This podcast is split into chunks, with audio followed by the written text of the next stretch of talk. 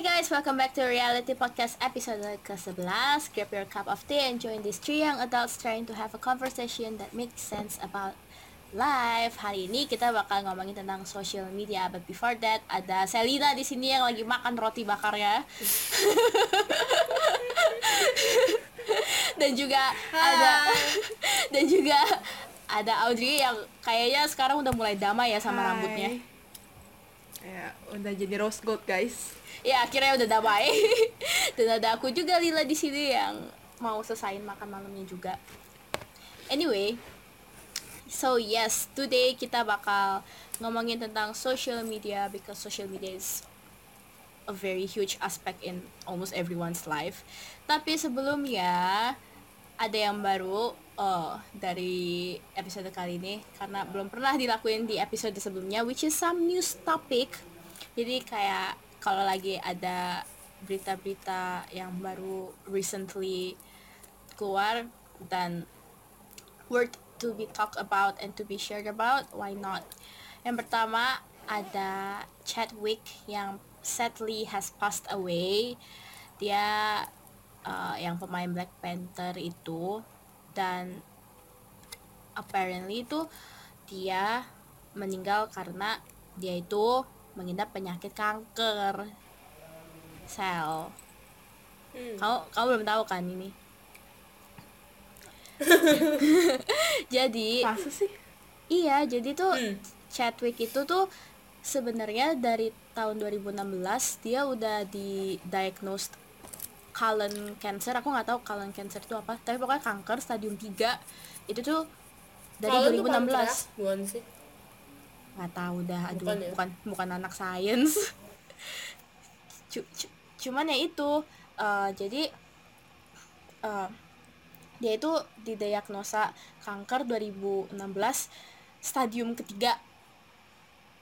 Terus gradually kalau nggak salah ya kalau aku nggak salah baca sejak tahun ini tuh ke stadium 4 jadi selama even pas dia lagi syuting film-film dia dia tuh buat kayak about 10 movies in this four in the past four years gitu.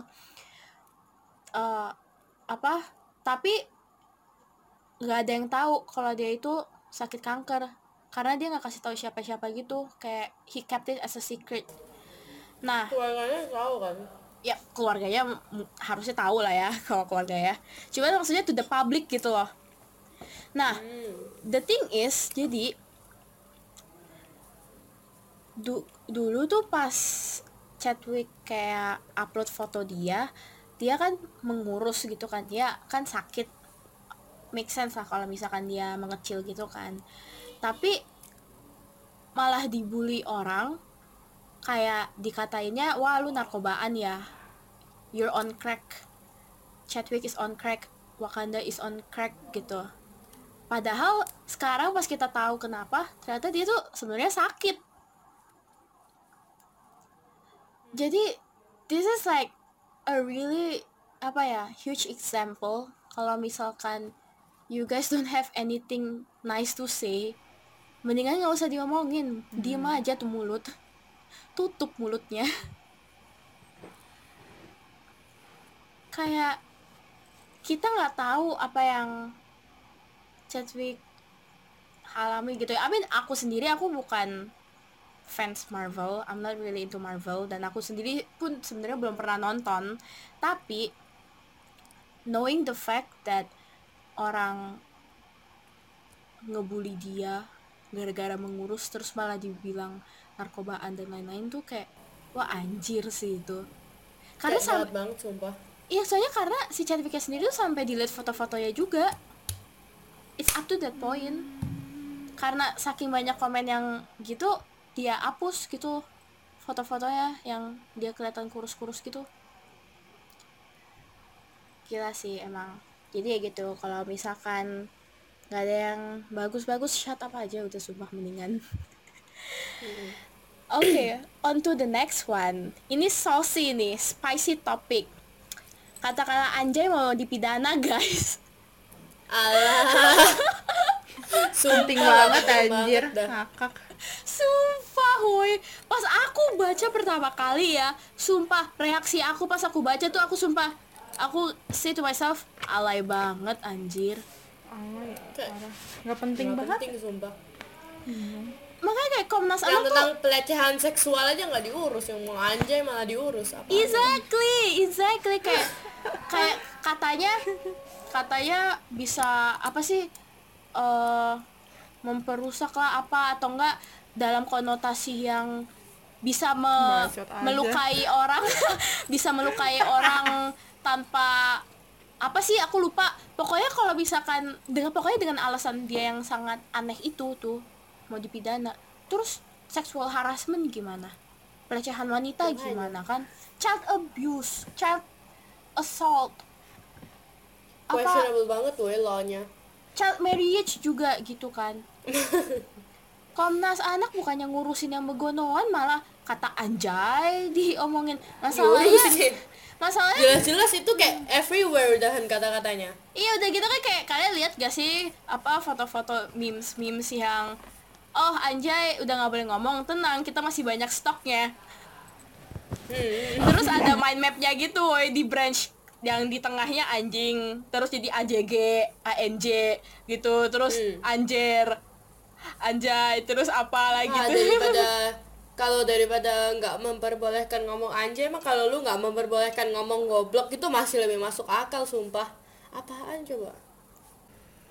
Itu lucu sih aku lihat banyak banget di Twitter jadinya. Orang-orang kayak ya marah-marah gitu kayak ya udah gue nggak ngomong anjay tapi ngomongnya asu. Makanya gila deh, sumpah.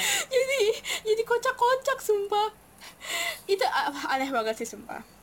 Anyway on the last news topic kita ada RCTI mau ajuin gugatan undang-undang penyiaran.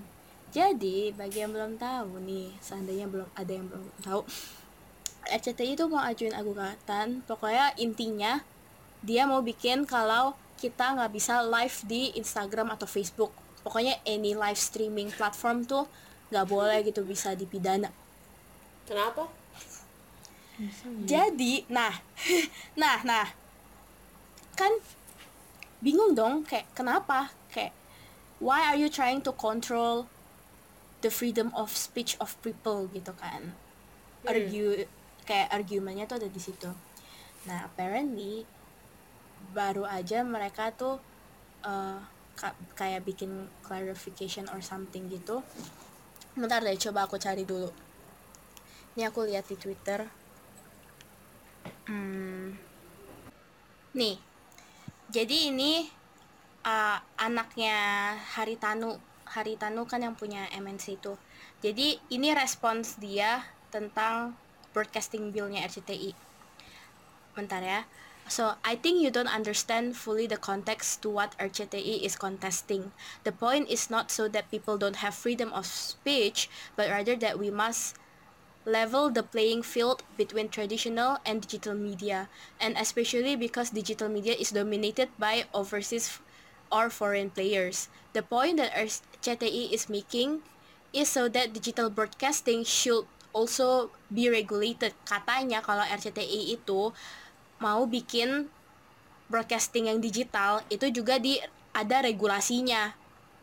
Karena kan kalau misalkan uh, application ya itu kan punya kita gitu loh kita yang menyarankan kan. Kalau misalkan RCTI kan dia TV dari dan pemerintah pasti control the television channel juga kan.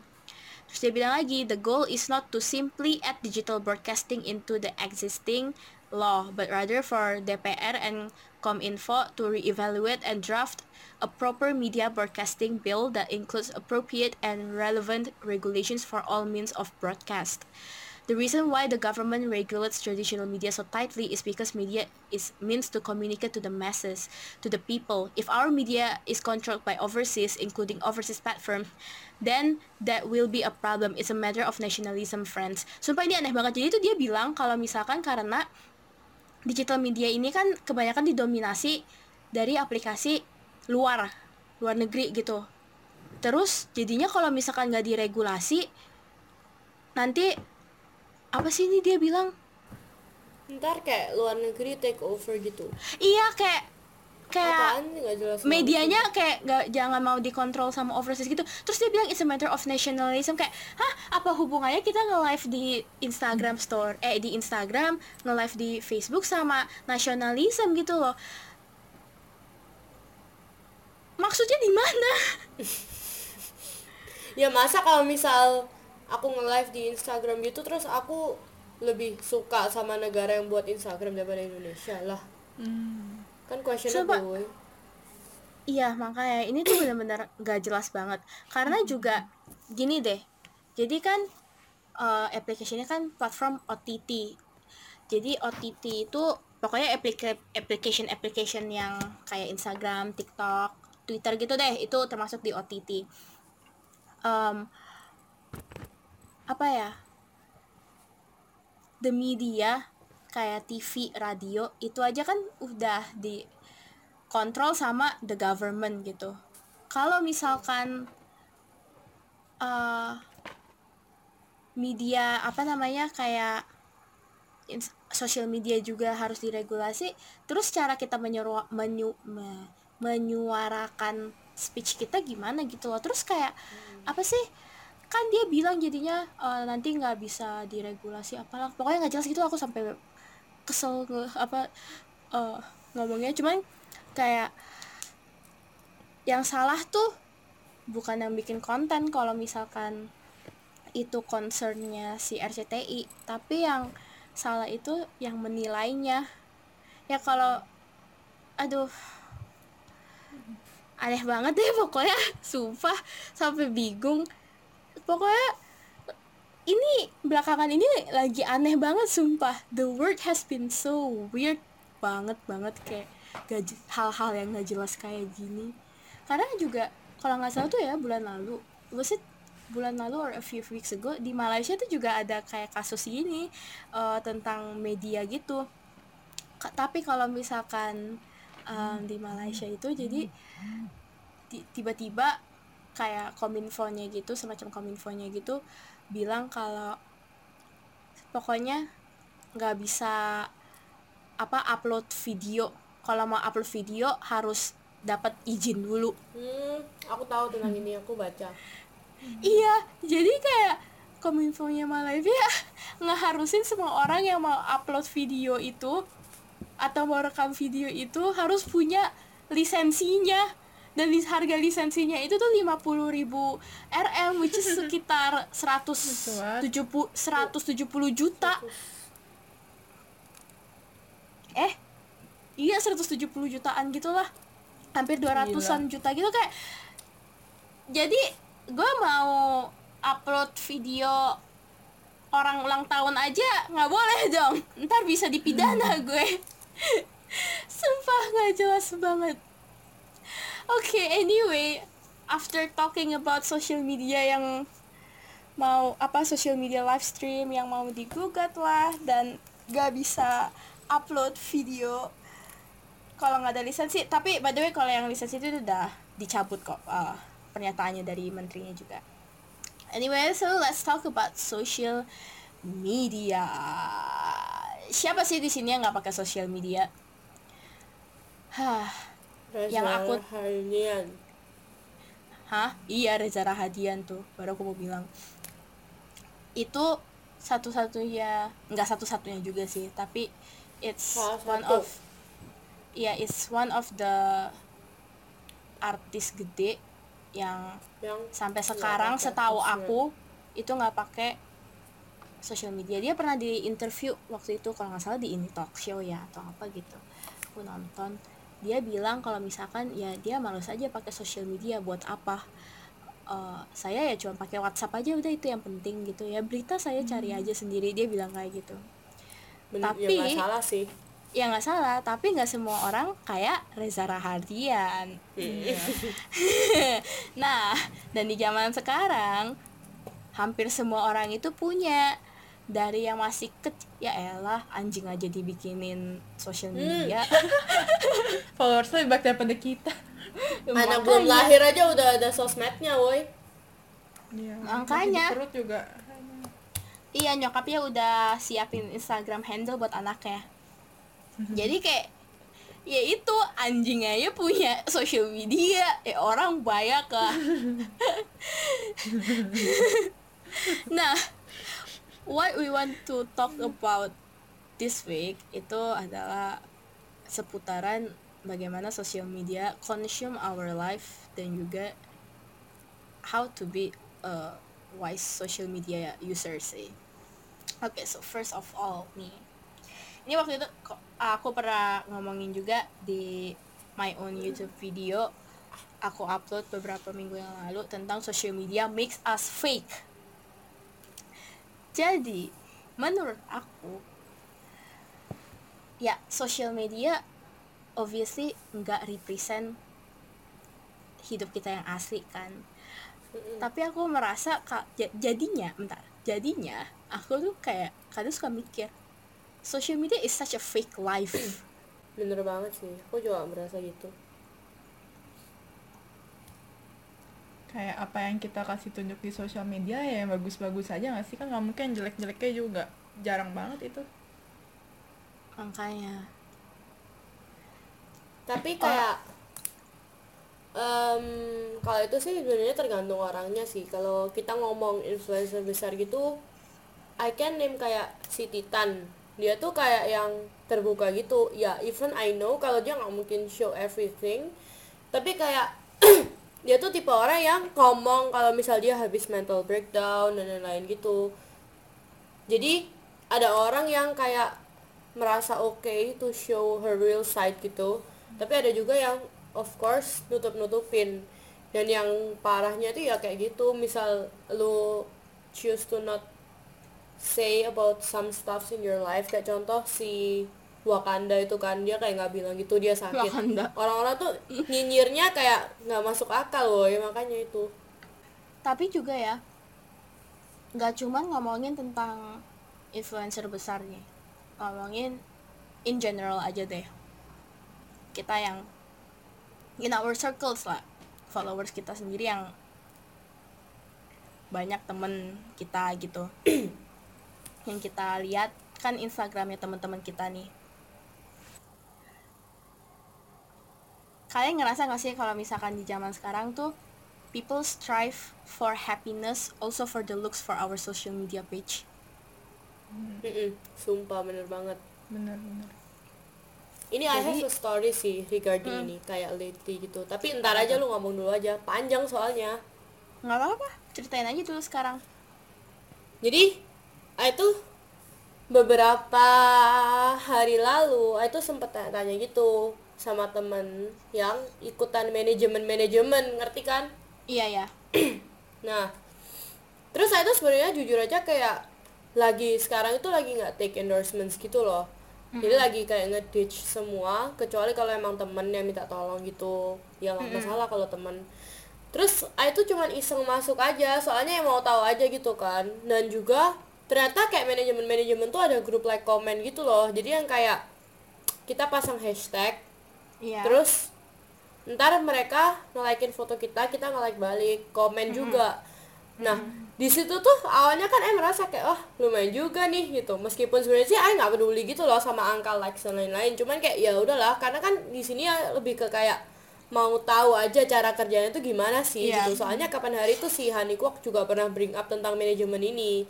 Terus habis itu bayar masuk manajemen tuh bayar bayarnya 150.000 ribu deh. Cuman kayak tiap manajemen tuh beda-beda gitu bayarnya berapa.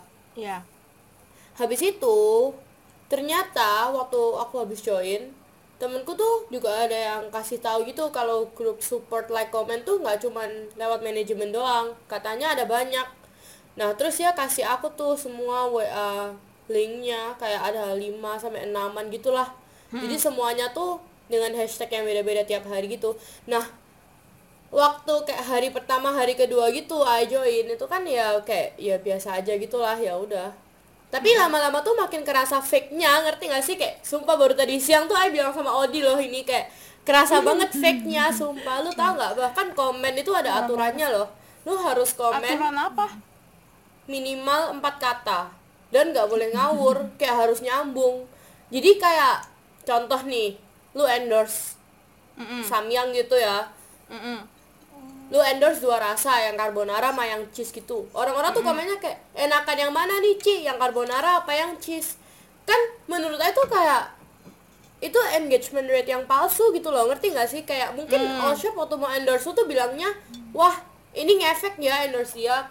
Kayaknya ini engagementnya kayak tinggi banget. Terus banyak banyak juga yang komen tuh kayak wah auto pesen nih Ci abis ini terus kayak wah kelihatan enak ya jadi pengen beli. Ngerti nggak sih? Iya, ngerti, kayak ya ngerti. kita mah lihat kita liatnya tuh kayak oh ya biasa aja gitu. Tapi lu bayangin lah maksudnya jadi online shop tuh gimana? Padahal dia kan ketipu gitu kan. Nah makanya di situ kayak ay berasa kayak gila nih kelihatan kayak berasa fake banget gitu loh. Aku aja yang cuman iseng naruh hashtag buat like aja kayak berasa gila fake banget gitu. Kayak berasa maksa banget ngerti gak sih sumpah? Terus habis itu ada juga yang kayak gini nih kan sistemnya tuh kayak gini. Jadi kita ngelist siapa aja yang hari ini mau ikut di like comment gitu kan. Yang mau Iya. ikutan masang hashtag. Kalau udah selesai pasang hashtag lu kasih tanda kayak emoji gitu. Tergantung adminnya mau emoji apa ntar Iya. kalau lu sudah selesai nge-like dan komen semua yang ada di hashtag itu lu ngasih emoji centang checklist gitu. Nah aku tuh awalnya kayak berasa oh ya udahlah ini kan cuma grup support biasa lu tau gak sih lama-lama kalau misal nih ya kapan hari tuh ada orang yang belum ngekomen tapi udah checklist. Iya. dikata-katain woi di grup sumpah. Dibilang kayak eh yang sportif dong lu kan belum komen kok udah checklist? Terus sampai-sampai orangnya tuh kayak nge-screenshot gitu ini loh gue udah komen bang kayak gitu. Oh terus sampai God. orangnya bilang di, di saya belum masuk bisa komen lagi nggak? Karena di saya belum masuk akhirnya sampai orang itu komen lagi.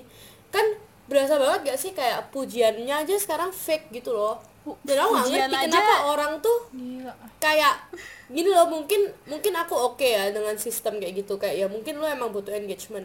Iya. tapi nggak oke banget kalau orang tuh yang kayak nagih komen sampai segitunya woi. Sampai yang marah-marah sampai kayak ada juga lah yang saya bilang ke adminnya kayak gini kak kalau dia nggak sportif sekali lagi di kick dong tolong. Kan kayak ya aku tahu. Semua tuh ada aturannya dan macam-macam. Cuman ya gila aja lu lihat dunia zaman sekarang tuh kayak orang tuh segitunya gila. Kayak sampai sampai marah gara-gara nggak di komen itu kayak gila banget sumpah.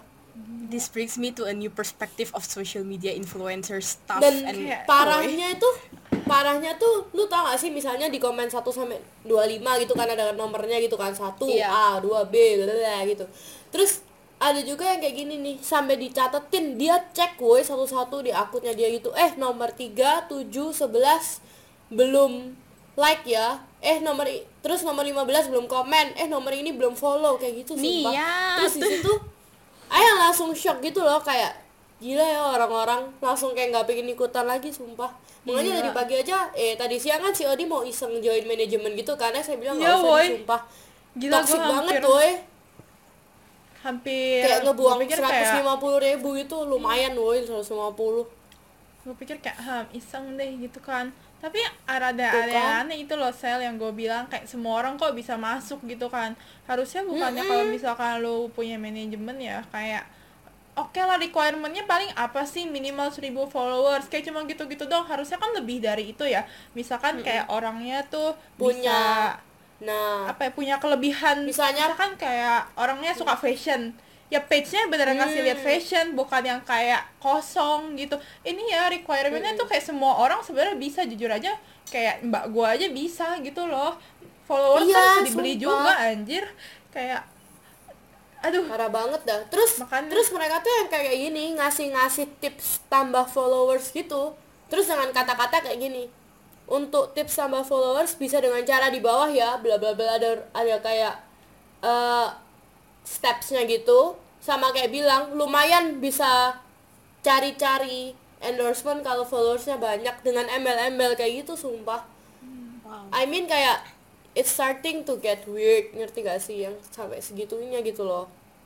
Apalagi kayak aduh aside from the requirements itu tuh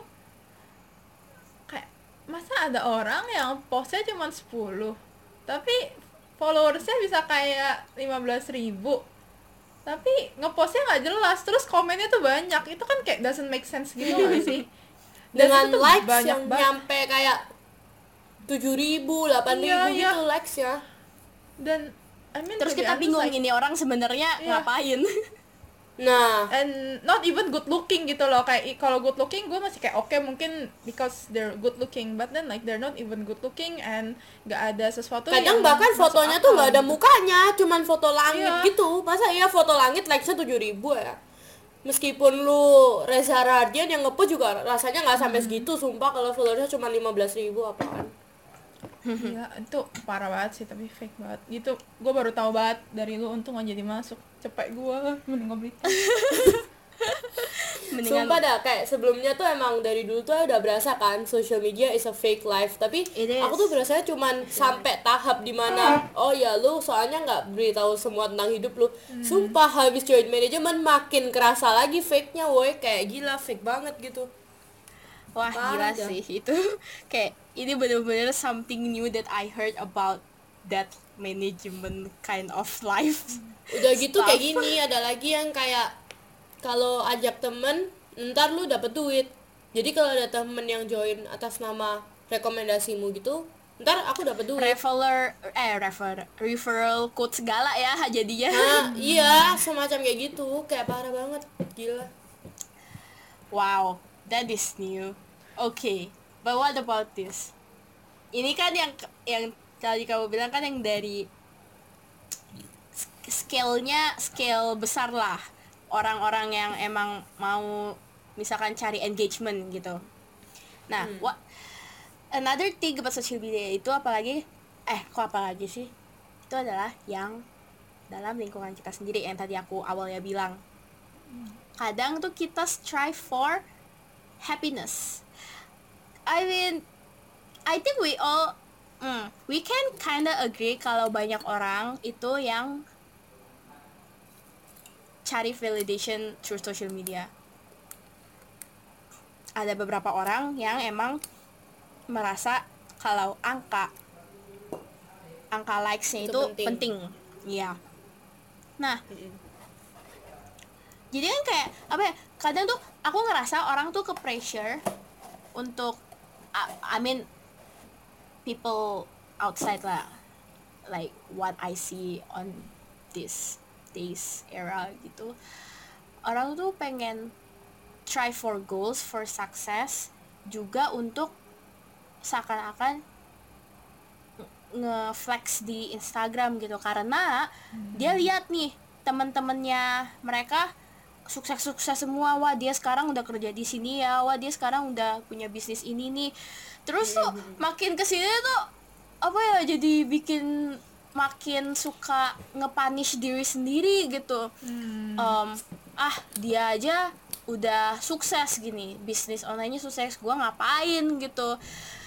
Bikin orang makin I mean kalau dibilang itu as a motivation ya bisa juga of course bisa juga kan. Tapi, tapi itu tergantung usernya wise apa enggak. tapi juga itu juga apa ya it's actually not about being wise or not it also will deals with you mentally gitu loh. Karena kamu ngelihat semua orang kam- kamu ngerasa kamu ngelihat semua orang ini tuh wah bahagia banget gitu. Mm-mm. wah dia sukses banget. Wah barang-barangnya bagus. Wah rumahnya bagus. Wah apartemennya bagus. Wah mobilnya mewah gitu terus dia jadi yang kayak gue juga mau kayak gitu Hmm. jadi tuh suka bikin orang lost got caught up in the moment to the point where they don't enjoy the present gitu Hmm. karena mereka mengincar kebahagiaan yang standar tanda kutip standar untuk di Instagram, social media, or YouTube, whatever, Twitter. Terus juga ada pre, pre, pre, pre, aduh, premeditated post. Orang Hmm. Photoshop, kinclongin, kinclongin apa kulit wajah, kecilin perut, mungkin kecilin tangan. I mean, aku Hmm. pernah lah kayak gitu. Nggak, aku kalau bilang aku nggak pernah gitu sama Iya. sekali itu aku bohong, munafik. Aku juga pernah. Sama, Semua orang mah kayaknya pernah. pernah kalau ngedit kayak gitu. Iya makanya apalagi aku yang paling sering aku pakai tuh itu wes stretch kaki supaya kelihatan panjang dikit aku ya.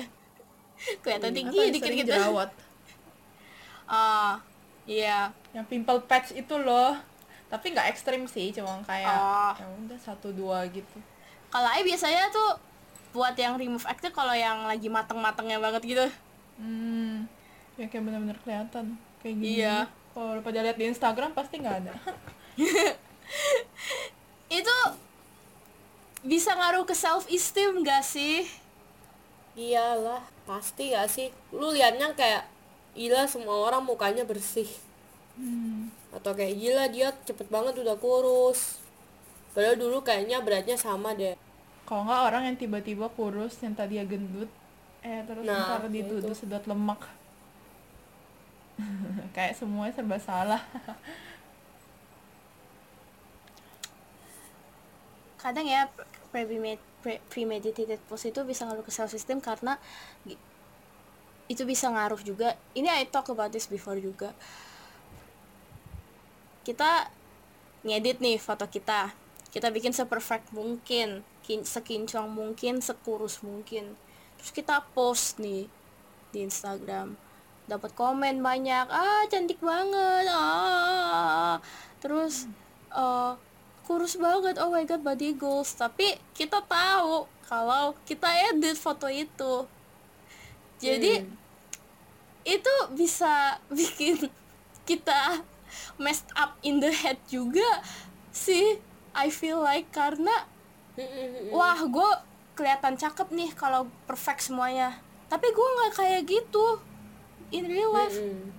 kan nggak Iya, bisa Photoshop. ngerasain itu. makanya kan nggak bisa Photoshop in real life.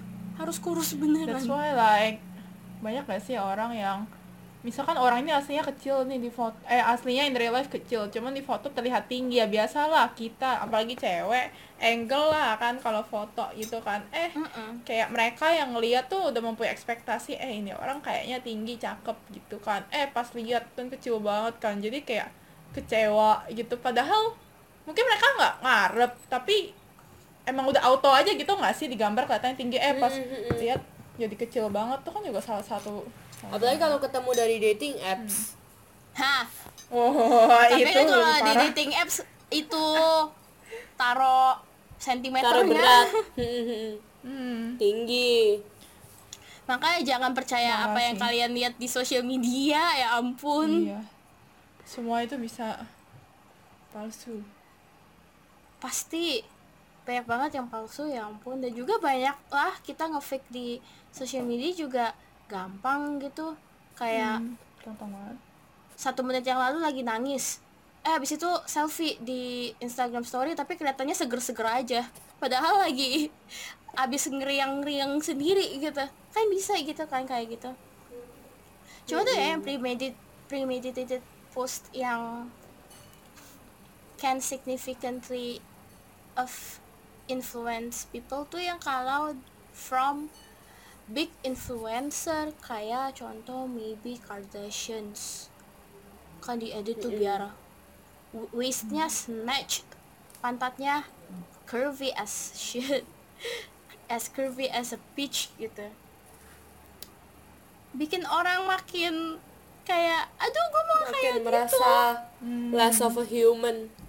What is human? Apalagi yang kayak ngedit eh bukan ngedit sih apalagi yang ngepostnya tuh cuman talent sama semua penghargaannya dia. Misal habis menang Oh, lomba itu. ini itu ini itu. Terus Asian moms yang main sosmed langsung tuh banding bandingin anaknya tuh lu nggak lihat anaknya bisa. nih bisa main piano masuk sekolah dokter dan lain-lain. Padahal nggak tahu juga kalau di belakang tuh kayak ada teman Ai nih dia tuh jago banget tuh piano dan lain-lain gitu. Sampai dia ngepostnya mah ya cuman dia waktu konser aja jago banget gitu sama trofi-trofinya. Ternyata tuh di belakang dia tuh dipaksa sama mamanya gitu harus latihan tiap hari segini. Dia tuh sampai ke pressure sampai berasa kayak gak punya life gitu loh sampai time sama temennya aja nggak punya karena semuanya buat latihan. Ya itu tuh contohnya. Ada juga temen Ai gitu masuk ke sekolah bagus mah orang-orang liatnya mah iya deh sekolah bagus gitu kan. Artinya kayak eh artinya orangnya seneng tuh masuk sekolah bagus gitu kan. Apalagi kalau sekolahnya kayak susah banget. Kayak apa ya kayak eh, sekolah impian semua orang. Orang pasti kan liatnya kayak eh gila ini orang ini banget nih. Pasti kayak auto iri gitu gak sih? Iya itu. Hmm. tapi padahal si yang sekolahnya itu mah ngerasa kayak ya orang lihat gue keren tapi gue nggak ngerti kenapa gitu. Karena gue di sini nggak seneng sama sekali. Ya mungkin gue lebih seneng kalau nggak masuk sekolah yang kayak gini gitu Hmm. jadi kayak apa ya apa yang ya sama ya kayak temennya Selina yang piano itu. Gila sih. Kadang makin lama makin itu nggak sih eh, susah susah lupa aku. Tadi udah keinget kata-katanya. Makin lama makin susah being grateful with what we already have. Karena we see other people having more than us gitu. Mm-mm. Iya ya. Padahal everybody have their own timing. Tapi kadang kayak karena apa ya? Karena nggak Karena kita sendiri nggak sadar kita ke pressure. gituan jadi Ya sering jadi lupa. lupa, lupa gitu. Dan kayak pas ada orang lain bilang mah jadi nggak percaya. Padahal kan sebenarnya memang ya udah ada timing aja gitu. iya kayak kerasa tuh Kayak- ke- rasanya tuh kayak diburu-buruin gitu kayak misalkan uh, orang yang bilang oh I'm 19 already and I can already buy my own apartment. What can you do? Or Ah, something Iya, like langsung that. Yang- kan. cara ngomongnya tuh yang lebih ke tuh. kayak aku umur segini udah ini loh. Nah itu. Iya Padahal kan harusnya kan mereka ngomongnya, maksudnya kayak kalau mereka peduli orang lain ya, kayak, eh gue di umur segini udah bisa kayak gini, Eh, kalian juga bisa kok gitu, eh maksudnya kayak kalian juga ada waktunya juga gitu loh, iya nah Kayak- tapi banyak banget tuh yang ngomongnya kayak lebih ke arah sombong. aku umur 19 sudah beli apartemen kalian kapan? Nah kayak gitu. Itu jadi Iya. mempertanyakan timing diri sendiri Iya, sumpah. Itu bikin kadang jadi kata-kata itu penting. Nah makanya. Bikin sedih. Jadi kayak kita ngerasa jadi dikejar iya gitu. ya kapan ya? Sumpah. Iya. Tapi malah jadi kayak ngerasa dikejar gitu. Hmm. kayak yang- dulu pas I, I, dulu ya, kayak pas I dulu baru lulus tahun lalu ya, I kan masuk kuliah cepet, jadi keluarnya pasti juga lebih cepet lah daripada orang-orang lain kan. iya. Terus em, zaman zamannya apa ya namanya baru lulus lu lihat Instagram temen lu udah kayak ngepost di kantor di apa padahal mah biasanya gue tuh jarang lihat kayak gituan kan. Tapi sekali lihat story tuh kayak wah gila ini orang ini ini. Terus gue jadi kayak sempet question myself gitu I mean dulu kan gue juga baru lulus juga kan jadi kayak bingung gini kok semua teman gue dapet kerjaan ya kok kayak gampang banget sih mereka kok kayak gue belum dapet sih gitu. Tapi kayak karena gue terlalu fokus ngebandingin gue kayak lupa gitu loh kalau pas waktu itu ya gue umur 18 dan mereka udah umur 21 tapi ngerti gak sih? Jadi kayak karena gue terlalu fokus kok gue gak dapet? Gue gak Terlalu dapet? stuck. gue pikir kayak gue pikir ya emang maksudnya gini loh kalau misalkan emang umur umur 21 kan emang mungkin mentalnya udah siap gitu kan. Karena kan selama Iya. 4 tahun kuliah ya mereka udah ke build gitu. Sedangkan gue yang masih umur 18 ya yang masih kayak mungkin 50% kerja 50% mau main-main gitu. Tapi I forget the fact gitu. I thought that I'm 22 also. Jadi kayak gila jadi kayak ngebandingin kan. Tapi habis itu kayak pas udah sadar jadi kayak ah ya udahlah ngebandinginnya itu udah nggak lihat umur gitu. Iya kayak ngerasa jadi oh ya gue sampai lupa umur. Terus kayak pas ada yang bikin gue sadar gitu gue kayak oh ya udah oke artinya gue bakal stop bandingin gitu. Kayak ya udah tapi pas gue stop bandingin itulah ngerasanya enak banget woi. Gila. Makanya be like being inspired is okay but comparing yourself is not okay. Hmm. it's that one kayak waktu itu kamu pernah cancel kamu kayak bilang ah ini virtual photoshopnya bagus banget pemandangannya bagus banget temboknya gini gini gini. Kamu kan ngomongnya padahal kayak gitu dia di luar negeri ya pantas bagus. Iya terus aku langsung kayak ya ya Sel. Kan emang apartemen dia begitu dianya aja yang lagi hoki gitu. Terus aku langsung bilang kan kayak apa sih? Kan temanya virtual photoshop emang buat mempergunakan apa yang udah kita punya di rumah gitu. Ya nanti kapan-kapan kita beneran lah ke apartemen photoshoot beneran gitu. Jadi kalau terinspirasi ya gak apa-apa. Tapi kalau sampai ngebandingin tuh yang mulai sesuatu yang bikin Terus pernah nggak sih? apa? Yang kayak misalkan orang pacaran nih. Nah. Jujur ya gue gak ngerti gitu kalau orang pacaran sih. nih terus mereka misalkan gue pacaran sama cowok terus gue sering ngepost oke lah sering ngepost tapi habis itu gue kayak selalu pakai hashtag couple goals couple goals gitu. Kayak lu bandingin gak kayak lu bandingin gak sih kalau misalkan maksudnya lu bayangin gak sih kalau misalkan kayak gue ngepost itu orang-orang yang lain pertama yang jomblo bakal ngerasa kayak maksudnya itu ada hashtag couple goalsnya itu loh kayak apaan sih couple goals itu aja kayak nyebelin gitu loh kedengarannya. Terus orang-orang yang pacaran pasti bakal ngerasa kayak kok gue nggak kayak mereka yang kayak digambar Hmm. apalah senang-senang pelukan apalah gitu kan jadi yang punya pacar pun jadi ngebandingin sama pacarnya kok kita nggak kayak gini bener sih Nah kalau kok kita nggak kayak gini tuh masih bagus loh. Mungkin masih question diri sendiri Hmm. gitu ya.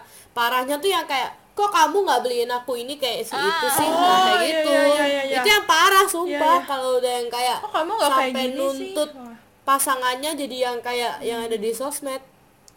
itu yang paling hmm, sih. sih. Tapi kalau mau ngomongin tentang pacaran di sosial media oh my god dulu oh my god. awal-awal aku putus sama mantan aku kan putus nih putus nih ya. Terus abis itu ya udah aku ngepost apa gitu di instastory. Terus cowok cewek juga lah eh, reply gitu. Soalnya kan pas aku ngepost kayak aku ngepost tuh kayak kok lu ngepost kayak orang masih single sih gitu kan. Jadi kayak orang komen gitu. Terus eh, basa-basi lah cowok cewek gitu. Mereka basa-basi eh lu gimana sama si dia? gitu. Terus aku kayak ah enggak eh, baru aja putus gitu. Terus pada kayak hah? Putus? Kenapa? Oh my god gak nyangka kalian bakal putus.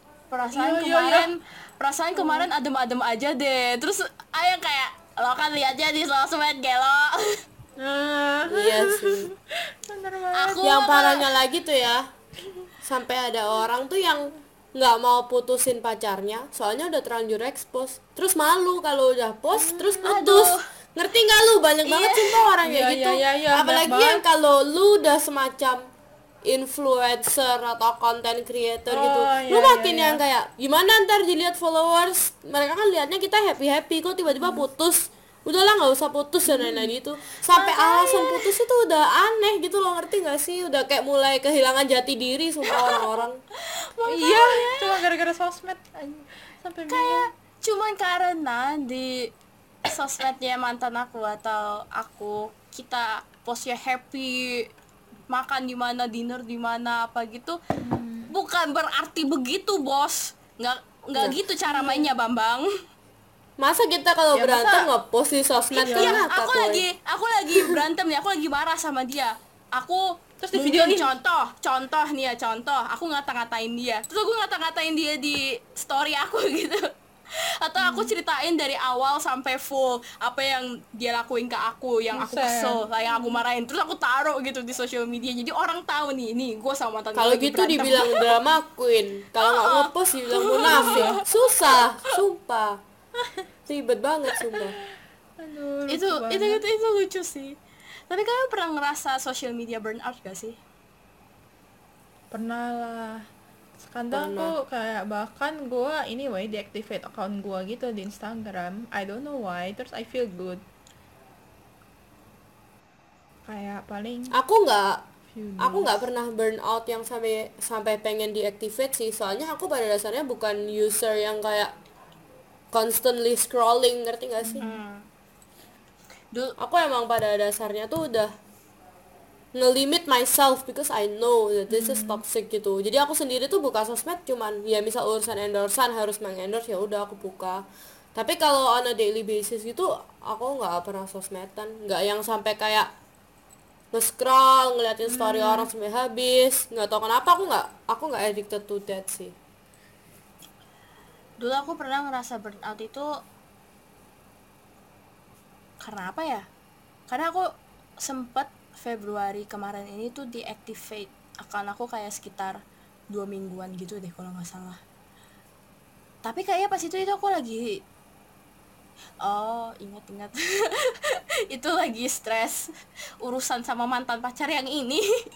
Lagi di ambang-ambangnya gitu. Terus aku ngerasa kayak apa ya aku lagi sedih gitu.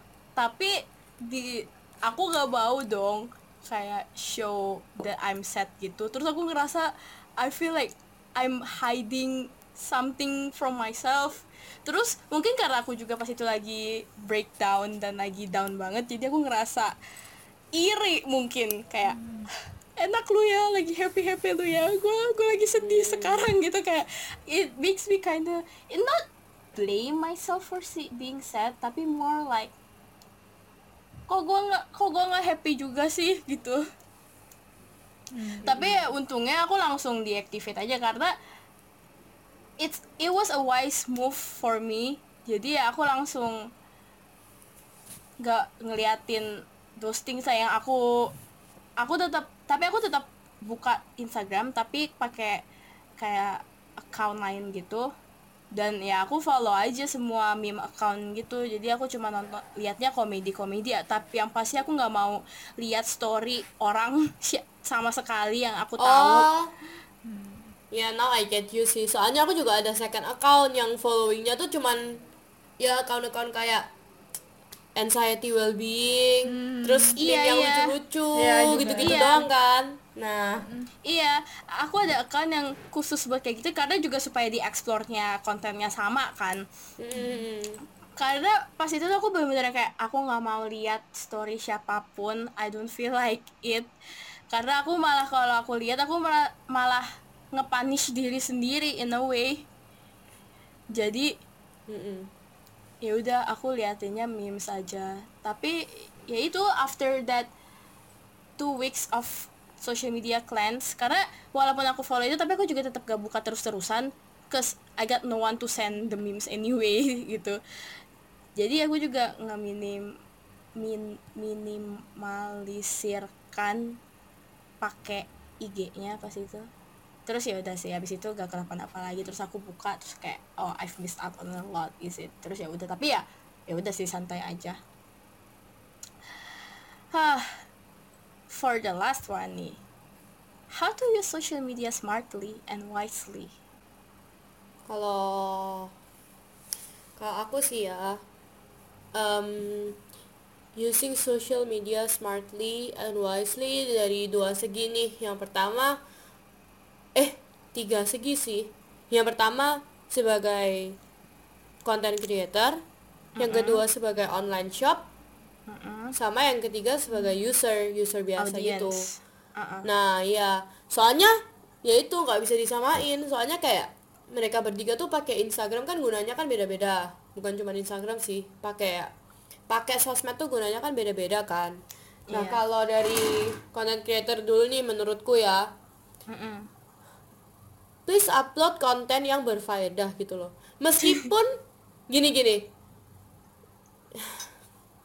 Ya udahlah, kalau lu mau upload konten prank yang nggak penting nggak penting, ya nggak apa-apa. Tapi lebih baik jangan. Tapi masalahnya juga kan ada audiensnya gitu loh. Karena ada Nah, audiens iya. yang nonton prank, makanya konten kreatornya tetap bikin karena ada peminat, ada demand, Makanya ada supply. ini kenapa? Ini kenapa eh harus bahas dari tiga juga kan lu sebagai user juga nanti tuh. Makanya kayak yang pertama lu sebagai Oke, content lanjut, creator tuh lanjut. kalau bisa Sorry. Bikin konten yang berfaedah gitu. Ya kalau lo mau bikin yang nggak berfaedah sih nggak apa-apa sih. Itu masih mending daripada kalau lo bikin konten yang draining. Contoh lu kurus bilang gendut. Ah, lu punya duit ngomongnya bokek. Aduh. nah kalau misal lu punya duit lu ya. tapi lu nggak mau keluar duit lebih baik lu bilang nggak bisa lagi hemat atau something. Itu kan lebih jauh lebih mending gitu daripada lu bilang bokek bokek padahal lu punya duit. Nah itu. Terus juga jangan tipu-tipu orang pakai engagement rate palsu lah. Kayak contoh yang Ai bilang tadi masalah Iya. manajemen itu. Soalnya kasihan juga yang kebagian online shop tuh kasihan. Ya kalau misal nih yang punya online shop tuh orang seumuran kita gitu kayak anak-anak remaja gitu ya mungkin kita semua juga tahu kalau di dunia sekarang tuh ada namanya manajemen dan kelihatan orang yang komennya palsu sama yang asli tuh kelihatan karena kita tahu. Nah gimana kalau yang punya akun tuh AI tante-tante yang nggak ngerti yang baru ke dunia sosmed. Nah contoh nih ada lagi temanku tuh mamanya kongsi sama tante-tante yang lain buka kayak makanan gitu. Terus ditawarin free endorse sama nih orang. Mm-mm. tapi ternyata nggak ngefek yang nggak ngefeknya tuh parah banget kayak bener-bener nggak ada yang visit gitu loh. Jadi dia tuh kayak semacam influencer jadi-jadian sampai ada hate hate page-nya gitulah ngerti gak sih sampai kayak dikata-katain gitu? Soalnya mereka semua yang merasa tertipu tuh kayak emosi gitu loh. Nah kayak gitu kan parah banget. I mean kasihan temanku sampai bilang kayak gila loh gue tuh kirim dia makanan banyak banget macem-macem. Kan itu merugikan juga kan gitu loh. I mean ya kita saling membantu aja lah. Di sini kan kita sebagai kayak orang yang kerja jual jasa juga masa lu kayak bikin jasa go clean tapi bersihnya nggak bersih kan kayak pertanyaan Iya. gitu Iya. next kalau lu online shop kalau misal mau jualan tuh mau endorse lu lihat-lihat dulu I mean misal nih lu mau endorse baju ya jangan endorse ke orang yang lebih ke makanan misal koko buncit lu endorse baju kan ya gimana ya? Ya mungkin Kecuali- aja ngefek. kecuali mungkin. kecuali baju longgar mungkin yang buat Nah, enak mukbang. Kaos nyaman gitu masuk akal Iya. tapi kalau lu endorse kayak kaos high piece gitu lu endorse ke koko buncit kan question mark terus lu marah-marah kan nggak ngefek kan? Gimana coba? Coba lu misal lu mau endorse makanan Kayak- terus lu endorse-nya ke orang yang diet gitu yang makannya dikit dan nggak kelihatan menggugah selera gitu kalau makan kan? Ya gimana ya?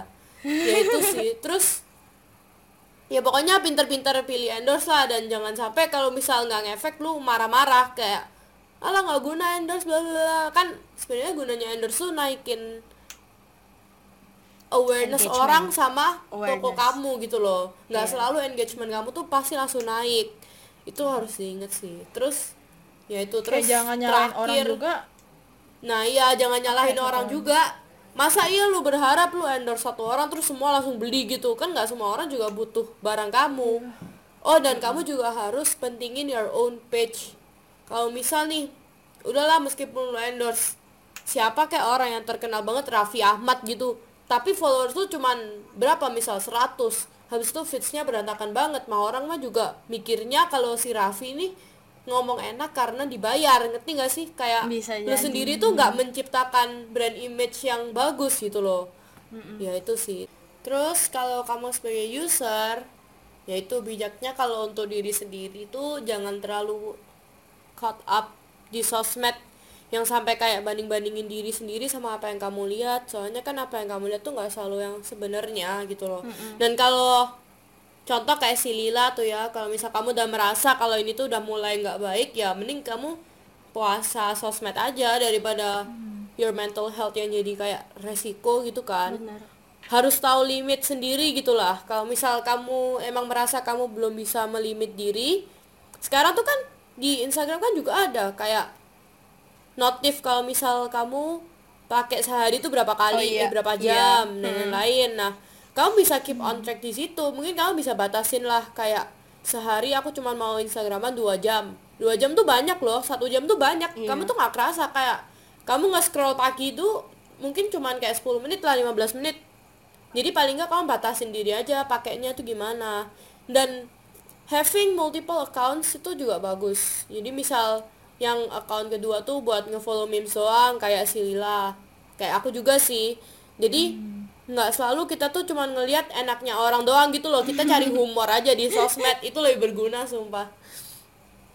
Kalau Dan ya itu kalau punya- misal- apa? Kalau Ai ada ini apa fashion itu. Jadi kayak apa ya account juga yang buat diri kita sendiri tuh yang kayak lu pada bilang. Kalau pada kan buat nyari komedi gue buat cari apa ya kayak uh, Inspiration. Muasin passion aja. inspiration gitu loh kayak buat diri sendiri lah jadi ya jadi kayak nggak lihat tuh Ah. akun-akun yang lain yang teman-teman kita lah apalah Iya. misal hobi mobil ya ada satu Iya. account yang khusus ngefollow mobil-mobil motor misal ya kayak gitu gitulah kita harus pinter-pinter pakainya tuh jangan cuman untuk cari bahan gibah aja misal ngeliatin orang terus gosip sama teman kalau kayak gitu tuh jatuhnya ntar bakal draining Ter- dan juga kalau misal ada konten gak faedah tolong guys. Nggak perlu di blow upin. Kayak misal ada konten yang misal nih di TikTok lah paling gampang. Karena al- algoritmanya TikTok tuh kalau misal viewsnya banyak dan komen dan likesnya banyak dia tuh makin sering nongol di FY,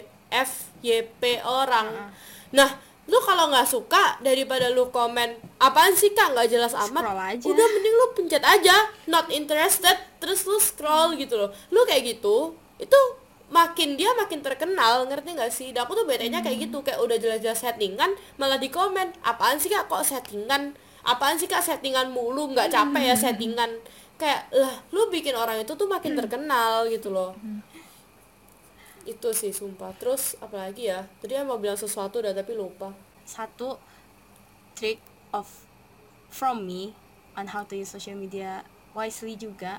Kalau misalkan kalian suka ngerasa crush sama the culture of social media tentang numbers kayak likes and comment and everything turn off aja notificationnya. Mm-mm. aku udah hampir 2 tahun enggak sih aku udah hampir satu tahun setengah. Itu notification new followers new likes sama komen itu aku matiin semua. Jadi ya aku nggak peduli karena itu kesering loh. Dulu tuh kayak dapat notification nih aku kira apa? Eh ternyata cuman orang nge-like gitu. Mm-mm. terus jadi kayak males gitu loh nungguin. Terus kadang tuh I ever caught myself actually waiting for my notification screen tuh penuh. Karena Bener karena aku banget. habis ngepost foto. Habis ngepost foto kan di like nih. Kan di notification screennya suka penuh gitu kan. Kayak I ever caught myself actually waiting for my notification to Aku juga. to blew up kayak gitu. ngecekin ngecekin gitu. Udah berapa ya likesnya terus suka Iya. ngebandingin sama orang. Eh ini orang followersnya sama kayak ay tapi kok baru berapa menit ngepost sudah segini. Nah kayak gitu tuh Iya aku jadinya udah satu tahun lebih. Udah lama banget deh pokoknya. Semua like semua komen itu aku matiin. Jadi ya aku nggak peduli. Jadi aku tuh nggak yang kayak oh gue udah di like lima orang. Karena kalau notif kan biasanya this user and five others just like your picture di notificationnya doang gitu. Aku nggak mau ngeliatin itu karena aku ngerasa itu it's not what's important gitu tapi karena aku bisa mengakses itu terus jadi kayak unconsciously mikirnya gitu terus. Jadi it's Bener another wise way to use social media yaitu udah mute aja gitu. Mm-mm. terus dan cek itu aku jadi jadi inget juga kalau jangan sampai kamu gara-gara pakai sosmed kerjaan lu tuh nggak beres semua gitu loh. Nah, ini aku dulu iya. kerasa banget. Sampai dulu aku waktu SMA akhir ya bukan kerjaan sekolah juga sih tapi kayak aku kan suka gambar. Jadi aku tuh lagi building my portfolio gitu loh buat uni and also work life kan. Jadi Iya. aku tuh lagi fokus-fokusnya gambar tapi tiap kali aku gambar di tengah-tengah itu tuh ada aja notif kayak orang DM kayak orang nge-like orang komen kalau kamu bilang kamu nggak tergoda untuk balas itu bullshit. Meskipun akhirnya kamu juga nggak balas tapi kamu paling nggak kan buka. Kamu mau lihat itu komen Iya. apa kamu mau lihat itu teks apa. Dan yang ujung-ujungnya tuh kayak alah scroll dikit lah. Terus nggak kerasa gitu kayak udah lama banget gua nge-scroll. Nah makanya dulu aja sampai waktu SMA tuh matiin semua notif sosmed sumpah kayak line WA matiin semua gitu. Cuman ngecek kalau sudah beres kerjaannya. I mean you need to be that wise. Itu bukan berlebihan sih Iya. ya mungkin orang bisa kayak ngatain lu kolot dan lain-lain gitu. Masa lu jarang Ya, terserah lu lah. ya persetan bodoh amat anjir. Yang penting kerjaan Iya. lu dan hidup lu lebih beres daripada tuh orang yang suka ngatain gitu loh. Iya. Aku juga, dan juga dari Instagram cuman yang aku nyalain tuh cuma notification DM doang. Karena aku tahu ada beberapa orang tuh yang entah kenapa walaupun Hmm. mereka punya nomor HP aku tapi mereka nggak mau WhatsApp aku mereka malah pilih DM jadi kayak ya udah deh DM tetap buka deh dan juga jangan terlalu stresin views dan siapa yang nge-like. Contoh nih temen itu dulu ada tuh suka sama orang suka sama cowok. Itu susah sih tapi kalau yang kayak gitu. ngepost ngepost foto.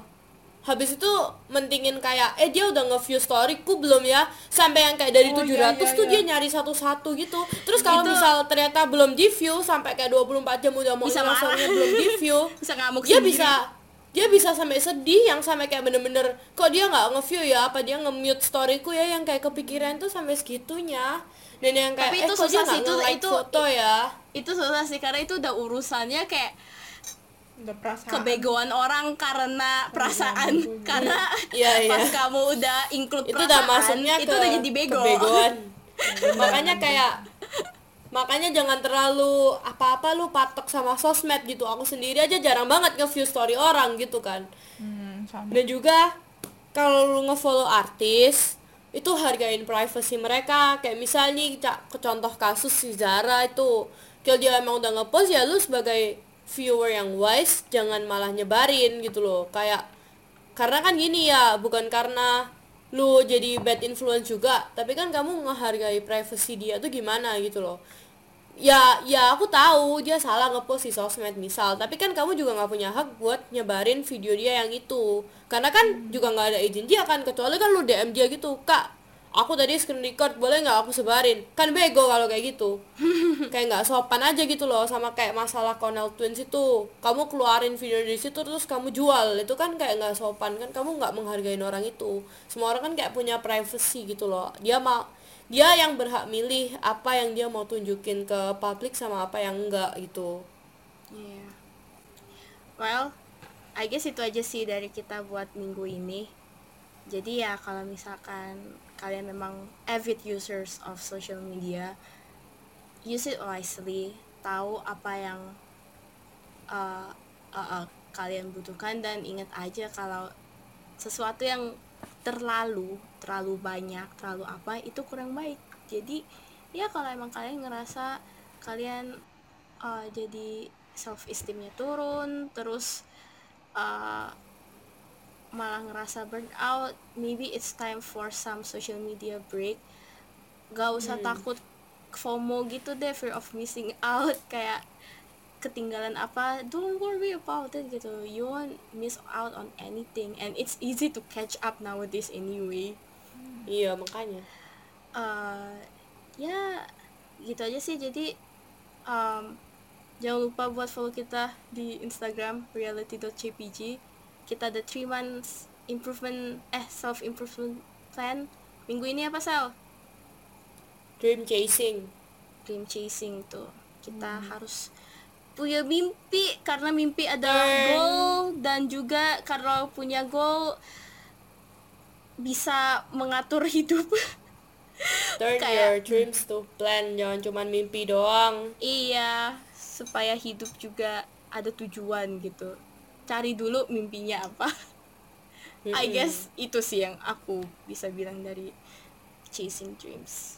But yeah other than that I hope that you guys will have a great week ahead stay safe stay healthy keep sanitize kalau keluar pakai masker jangan lupa social distance and we hope that we'll talk again next week. Bye guys. Bye.